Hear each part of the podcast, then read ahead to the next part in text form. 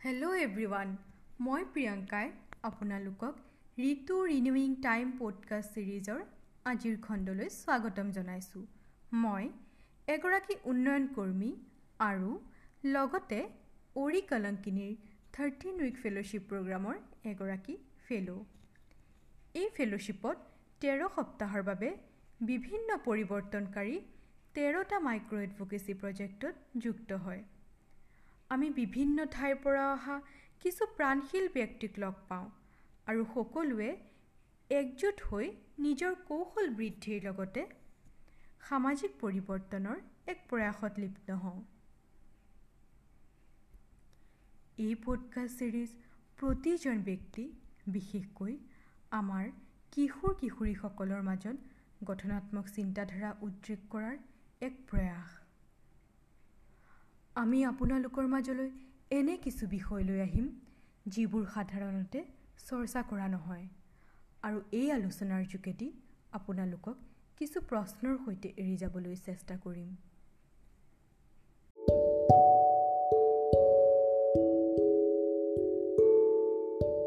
Hello মোৰ নাম দিতি মই নিজকে এজন ট্ৰান্স মেস্কুলিন ব্যক্তি হিচাপে পৰিচয় দিওঁ। ট্ৰান্স মেস্কুলিন অৰ্থাৎ মই যেতিয়া মোৰ জন্ম হৈছিলে তেতিয়া মোৰ জনাংগ চাই পেলাই কোৱা হৈছিলে যে মই মহিলা বা ছোৱালী। কিন্তু মই নিজৰ মোৰ জেণ্ডাৰ পৰিচয় সেই হিচাপে অনুভৱ নকৰোঁ। মই বৰ্তমান দিল্লীত থাকোঁ আৰু এটা নাৰীবাদী সংস্থাৰ লগত চাকৰি কৰি আছোঁ। মোৰ মেনষ্ট্ৰুৱেশ্যন লৈ কোনো বিশেষ আৱেগ জড়িত নাই। ইনফেক্ট যদিও মই আজি বত্ৰিছ বছৰৰ আৰু জীৱনৰ বাইছ বছৰে মই এই শাৰীৰিক অনুভৱ কৰি আহিছোঁ। মই মোৰ আজিও নালাগে যে এইটো এটা মোৰ নিজৰে নিজৰ শৰীৰৰে অনুভৱ। মই বেছ ভাগ্যৱান বুলিয়ে নিজকে ক'ব পাৰোঁ যে মোৰ মেনষ্ট্ৰুৱেশ্যনৰ সময়ত পেটৰ বিষ বা হেভি ব্লিডিং নহয়। সেয়ে মই বাকী দিনৰ দৰে এই মাহৰ তিনি চাৰিদিনো কটাব পাৰোঁ। আৰু মই এইটো শৰীৰৰ শাৰীৰিক অনুভৱো শৌচ পেচাপৰ দৰে অন্য এটা শাৰীৰিক অনুভৱ হিচাপে ভাবিব চেষ্টা কৰোঁ। পিছে এইটো একদমেই ইজি নহয়। কিয়নো আমাক সৰুৰে পৰা কোৱা হয় যে মাহেকীয়া আৰম্ভ হোৱা মানে আমি ডাঙৰ হ'লোঁ আমি আজিৰ পৰা মহিলা হ'লোঁ এটচেট্ৰা এটচেট্ৰা এনে অৱস্থাত মেনষ্ট্ৰুৱেশ্যনক লৈ আৰু নিজৰ জেণ্ডাৰৰ পৰিচয়ৰ লগত একচেপ্ট কৰি লোৱাটো বিৰাটেই কঠিন। বিশেষকৈ যিহেতু ঘৰত বহুত চোৱা নোচোৱাৰ নিয়ম কাৰণ কাননো পালন কৰা হয়। যদি হয়তো মাহেকীয়াটোকো আন এটা এটা নেচাৰেল শাৰীৰিক অনুভৱ হিচাপে স্বীকাৰ কৰা হোৱা হ'ল হ'লহেঁতেন। তেনেহ'লে হয়তো এনেধৰণৰ কষ্ট নহ'লহেঁতেন। প্লাছ এই চোৱা নোচোৱা নিয়মবোৰৰ কোনো লজিক বা চাইণ্টিফিক বেচিছ মই মইতো নাজানো। কেৱল মাহেকীয়া হোৱা যিবোৰ যিসকল লোকৰ মাহেকীয়া হয় সেই লোকক সমাজ পিতৃতান্ত্ৰিক সমাজ ব্যৱস্থাত নিয়ন্ত্ৰণ কৰি ৰখাই ইয়াৰ একমাত্ৰ কাৰণ। সেয়ে মানে সেই মানে নিজৰ জেণ্ডাৰ আইডেণ্টিটিক লগত জড়িত কৰি চাবলৈ গ'লে মেনচুৰেশ্যনটো বৰ বিশেষকৈ কষ্টকৰ হৈ পৰে। মোৰ ফাৰ্ষ্ট পিৰিয়ড এক্সপিৰিয়েঞ্চ যিহেতু এইটো কমচে কম বিছ বছৰ আগৰ কথা আৰু এই স্মৃতিবোৰ মই মনত কৰিবলৈ ভাল নাপাওঁ নিবিচাৰোঁ আৰু কিছু কঠিনো হয় কিয়নো যেতিয়া সেই সময়ত মই মোৰ জেণ্ডাৰ আইডেণ্টিটি বুজিব পৰা নাছিলোঁ আৰু সেই সময়ত যেতিয়া মোক মেখেলা চাদৰ পিন্ধাই কইনা সজাই কলগছৰ লগত বিয়া দিয়া হৈছিলে তেতিয়া মানে তেতিয়া বহুতে তাৰ বহুতে কষ্ট হৈছিলে আৰু মই একো বুজি পোৱা নাছিলোঁ যে কি চলি আছে মোৰ জীৱনত।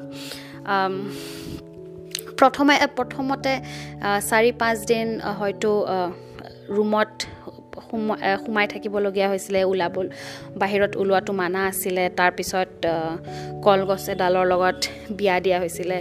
একদম মানে কিছুমান ইললজিকেল নিয়ম পালন কৰিবলগীয়া হৈছিলে।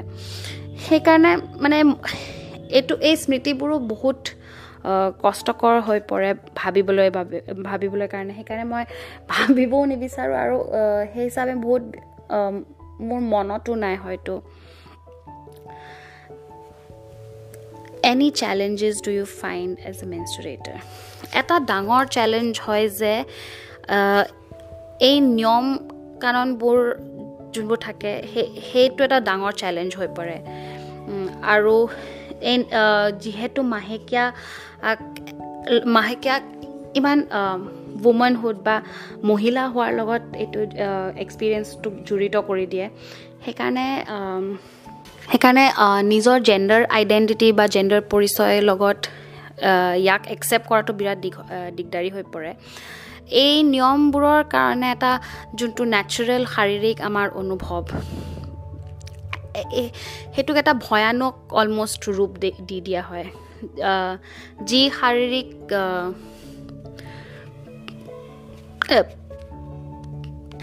এই শাৰীৰিক পৰীক্ষাত প্ৰক্ৰিয়াটো অলমষ্ট এটা দূষিত প্ৰক্ৰিয়া হিচাপে গ্ৰহণ কৰা হৈছে। আৰু মানে অলমষ্ট ইমান দুখৰ কথা যে যি শাৰীৰিক প্ৰক্ৰিয়াৰ দ্বাৰা মানৱতাৰ সৃষ্টি হয় সেই শাৰীৰিক প্ৰক্ৰিয়াটোক দূষিত হিচাপে গ্ৰহণ কৰা যায়। মানে ইয়াৰ কি লজিক হ'ব পাৰে? পিতৃতান্ত্ৰিক সমাজত ইয়াৰ কেৱল এটাই লজিক হ'ব পাৰে যে যোন এই যি মানুহে যিসকল লোকে মানৱতাৰ সৃষ্টি কৰিব পাৰে সেই লোকক এক নিয়ন্ত্ৰণ কৰি ৰখাৰ। আৰু মোৰ মই যেতিয়া সৰুত সৰু সৰুকালিত এই চব এই নিয়ম পালনবোৰক লৈ পেলাই প্ৰশ্ন সুধিছিলোঁ মায়ে মোক মায়ে কৈছিলে যে এইকেইদিন এইকাৰণে নিয়ম পালন বনোৱা হৈছে যিহেতু যাতে নাৰীৰ শৰীৰক অলপমান ৰেষ্ট দিব পাৰে পিছে যদি শৰীৰক ৰেষ্ট দিব লাগে তেনে ইমান মাটিত শোৱা ঘৰৰ পৰা বাহিৰ কৰি ঠাণ্ডাত বেছিহে কষ্ট কষ্ট দিয়া হয় ৰেষ্ট ৰেষ্ট কেনেকৈ দিয়া হয় সেই শৰীৰটো? মানে সেইকাৰণে মই এই লজিকটো অলপমান বুজিবলৈ মোৰ কাৰণে আজিও কঠিন আৰু সেইকাৰণে মই ভাবিব এই মেনষ্ট্ৰুৱেশ্যন বা মাহেকীয়াক লৈ পেলাই এটা বিৰাটেই মোৰ অনুভৱটো নেগেটিভ হৈ পৰিছে। With with your experience do you see any difference in this challenges এইটো লৈ মই চিয়'ৰ নহয়। এই প্ৰশ্নটোলৈ মেনষ্ট্ৰুৱেশ্যনৰ লগত যিহেতু কলংক বা পলিউশ্যন বহু যোনটো যি মই দেখি আহিছোঁ সৰুৰে পৰা সেইটো হয়তো বাকী ভাৰতবৰ্ষৰ বাকী অঞ্চলতো একেধৰণৰে কলংক বা এটা দূষিত প্ৰক্ৰিয়া হিচাপে দেখা যায়। অসমতো একে একে প্ৰক্ৰিয়াত ইয়াৰ লগত জড়িত। ইয়াৰ প্ৰভাৱ কেনে কেনেকৈ বেলেগ বেলেগ অঞ্চলত বেলেগ বেলেগ হয় সেইটো আমি আজি চাইণ্টিফিক ইনফেক্ট বহুত ষ্টাডিজে কোৱা যায় যে কেনেকৈ এইটো এইটো এটা মানসিক প্ৰভাৱ নেগেটিভ প্ৰভাৱ পেলাই পেলাই মানুহৰ মানসিক অৱস্থাত।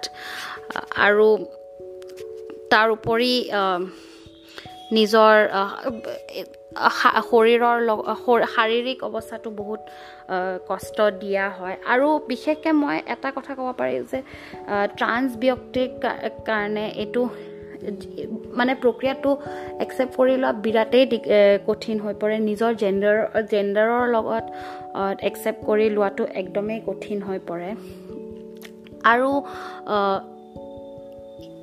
সেইকাৰণে ট্ৰান্স ব্যক্তিসকলে এইটো এই প্ৰক্ৰিয়াৰ কথা পাতিবও নিবিচাৰে। কিয়নো এই অলমষ্ট ভয়ানক এটা এটা অনুভৱ হিচাপে ইয়াক গঠন কৰি তোলা হৈছে। Need of understanding intersectionality of course intersectionality Virat important আমি আমাৰ মেনষ্ট্ৰুৱেশ্যনৰ অনুভৱটো ইণ্টাৰছেকশ্যনেলিটিৰ জৰিয়তে বুজাটো বিৰাটেই ইম্পৰ্টেণ্ট ইম্পৰ্টেণ্ট এজন মেনষ্ট্ৰুৰেটৰৰ সামাজিক স্থানৰ ওপৰত নিৰ্ভৰ কৰা কৰে।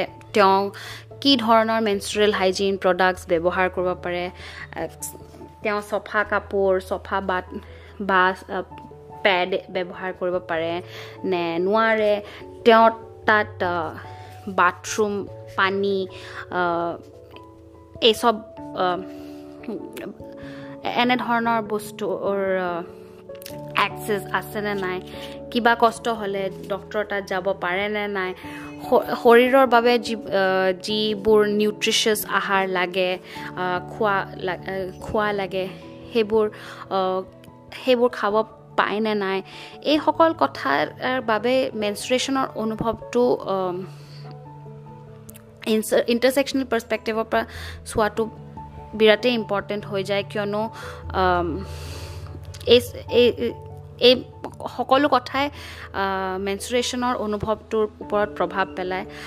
আৰু যদি আমি জেণ্ডাৰ পৰিচয় হিচাপে চাওঁ আমাৰ জেণ্ডাৰ পৰিচয়ত জেণ্ডাৰৰ লগত জড়িত বহুতো নিয়ম নিয়ম কানুন আছে। আৰু মেনচুৰেশ্যন এটা বহুত ডাঙৰ ইয়াৰ লগত জড়িত নিয়ম বা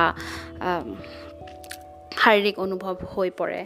সেইকাৰণে আমি কনষ্টেণ্টলি আমাৰ জেণ্ডাৰটো মেনচুৰেশ্যনৰ লগত জড়িত কৰি চোৱা হয়। যদি যদি মেনষ্ট্ৰুৱেশ্যনক জেণ্ডাৰৰ লগত আমি ইমান কনষ্টেণ্টলি কানেক্ট নকৰিলোহেঁতেন। তেনেহ'লে হয়তো মোৰ বাবে এই এই শাৰীৰিক অনুভৱটো বহুত বহুত নেচাৰেল হৈ পৰিলহেঁতেন। আজি আজি সেইটো পিছে ইমান নেচাৰেল অনুভৱ হিচাপে মই একচেপ্ট কৰিব নোৱাৰোঁ তাক। How can society create an inclusive supportive environment for every menstruated মেনষ্ট্ৰুৱেশ্যনৰ লগত জড়িত চোৱা নোচোৱা নিয়মবোৰ আঁতৰালে আঁতৰাটো বিশেষকৈ ইম্পৰ্টেণ্ট যিহেতু মই বাৰে বাৰে কৈ আহিছোঁ। এইটো এইটোৱে এটা মানসিক আঘাত সৃষ্টি কৰে বহুত মানুহৰ জীৱনত। আৰু এইটোৱে এই নিয়ম কানুনবোৰৰ কাৰণে আমি এই শাৰীৰিক প্ৰক্ৰিয়াটোক একদমেই নৰ্মেলাইজ কৰি ল'ব নোৱাৰোঁ। নৰ্মেল শাৰীৰিক প্ৰক্ৰিয়া হিচাপে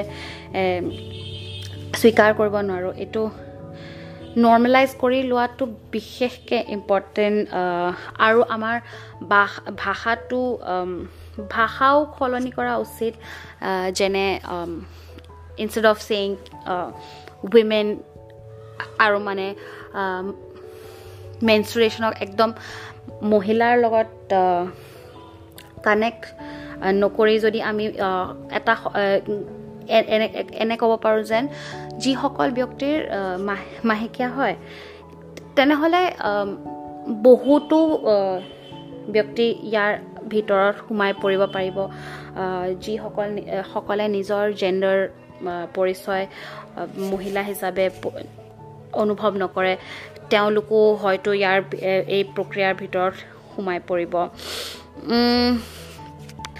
আৰু এইটো আমাৰ শিক্ষক যোনবোৰ ছ'চিয়েল ৱৰ্কাৰ যি ইয়াৰ ওপৰত কাম কৰে আৰু এন পেৰে য়াং পেৰেণ্টছ যিয়ে যি ট্ৰান্স ব্যক্তিৰ প্ৰতি ছাপৰ্টিভ হ'ব বিচাৰে সকলো লোকৰ কাৰণে কাৰণে এটা সকলো লোকে আহি পেলাই এইটো আমাৰ এই লেংগুৱেজটো বা ভাষাটো অলপ ইনক্লুজিভ কৰিবলৈ চেষ্টা কৰিব পাৰে।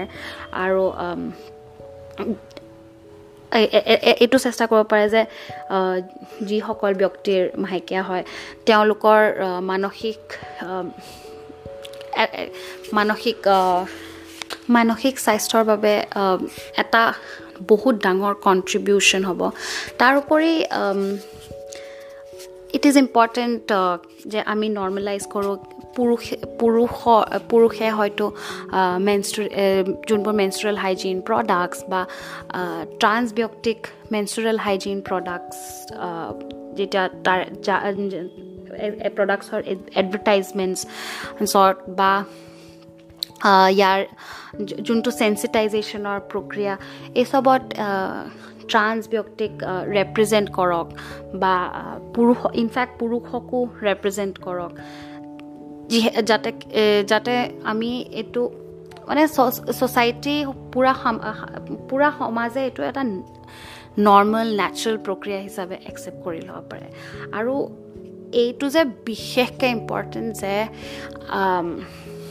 ইয়াৰ লগত জড়িত চোৱা নোচোৱা এই ইলজিকেল নিয়মবোৰ গুচোৱাটো বিৰাটেই ইম্পৰ্টেণ্ট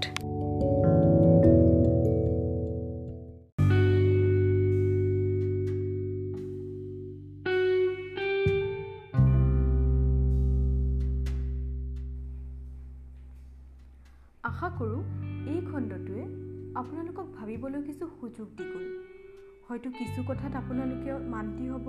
আৰু কিছু কথাত আপোনালোকৰ ডিমতো থাকিব। কিন্তু নিশ্চিতভাৱে এই বিষয়বোৰত চিন্তা চৰ্চা কৰিব। আমাৰ এই ছিৰিজৰ আগন্তুক এপিছ'ড আৰু আমাৰ চেনেল অৰিকলংকিনীৰ অন্য আমেজিং এপিছ'ডবোৰত আপোনালোকক লগ পোৱাৰ আশাৰে আজিলৈ বিদায়।